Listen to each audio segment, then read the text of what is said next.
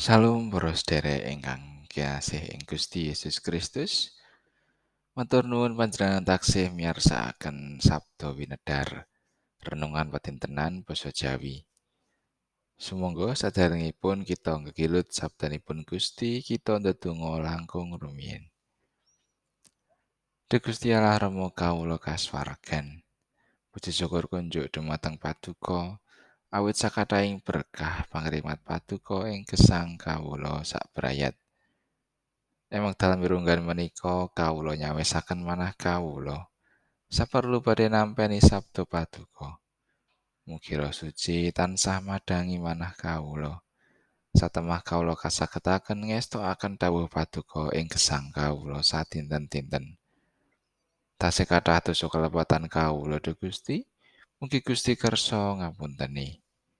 Wonten ing asmanipun Gusti Yesus Kristus juru wilujeng kawula ingkang gesang, kawula ndedonga. Amin.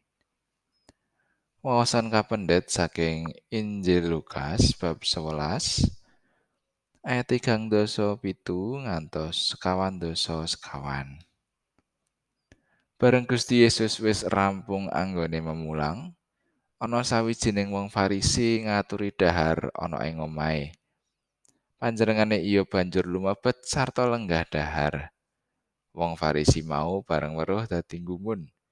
Dene Gusti Yesus sadurunge dahar kok ora wijik dhisik. Nanging Gusti Yesus banjur ngandika marang wong-wong mau. Kowe para wong Farisi, kowe padha ngresiki jabaning tuwung lan pinggan. Nanging ing jeromu kebak isi rampasan lan piala. He wong bodho, panjenengane kang nitahake jabane apa ora nitahake jerone? Mung wae isine iku danakno. Laing mengko kabeh-kabeh bakal dadi resik tumrap kowe. Nanging bilai kowe, he para wong Farisi, amarga kowe padha mbayar pro sepuluhan kanggo majeki godhong merdina, inggu, lan sawarane jejanganan. nanging kowe padha nglirwakake keadilan lan ketresnaning Allah. Sing siji kudu dilakoni lan sijine aja dilirwakake. Bilai kowe he wong Farisi, amarga kowe padha seneng linggih ing ngarep ana ing papan pangibadah lan seneng tampa pakurmatan ana ing pasar. Bilai kowe, amarga kowe iku kaya dene kuburan kang tanpa tenger. Wong-wong kang lumaku ing sadhuwure ora weruh.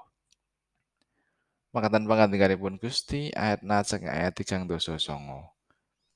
Mulane Gusti Yesus ngendika, Kowe wong Farisi padha kulino ngasahi jabane mangkok lan piring.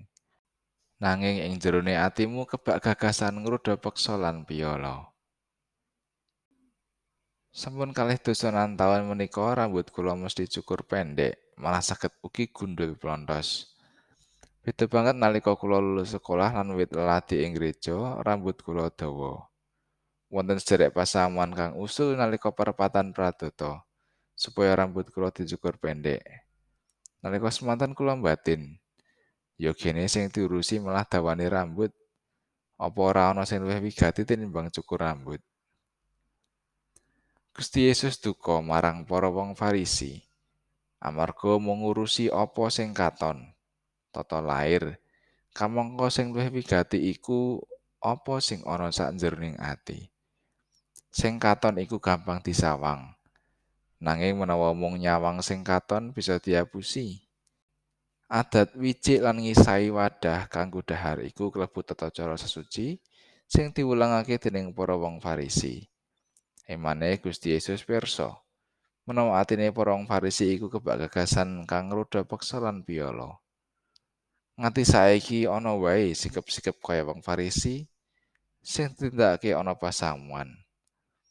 Ing urip bebarengan sing luwih santosa iku katimbalan supaya melu nanggung sedulure sing ringkih kanthi kesabaran lan piwulang. Kuwasa lan kalungguhane ing urip bebarengan iku kanggo ngayomi, paring tulodo, piwulang supaya dadi panutan.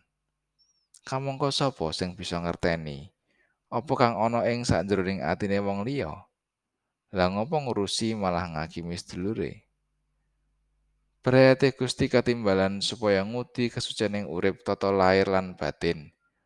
urip ing brayat iku tinarbuka siji lan sijine sing lamis lan nutupi sak benere bakal konangan.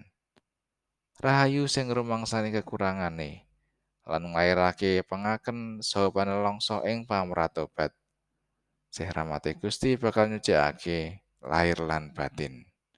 Amin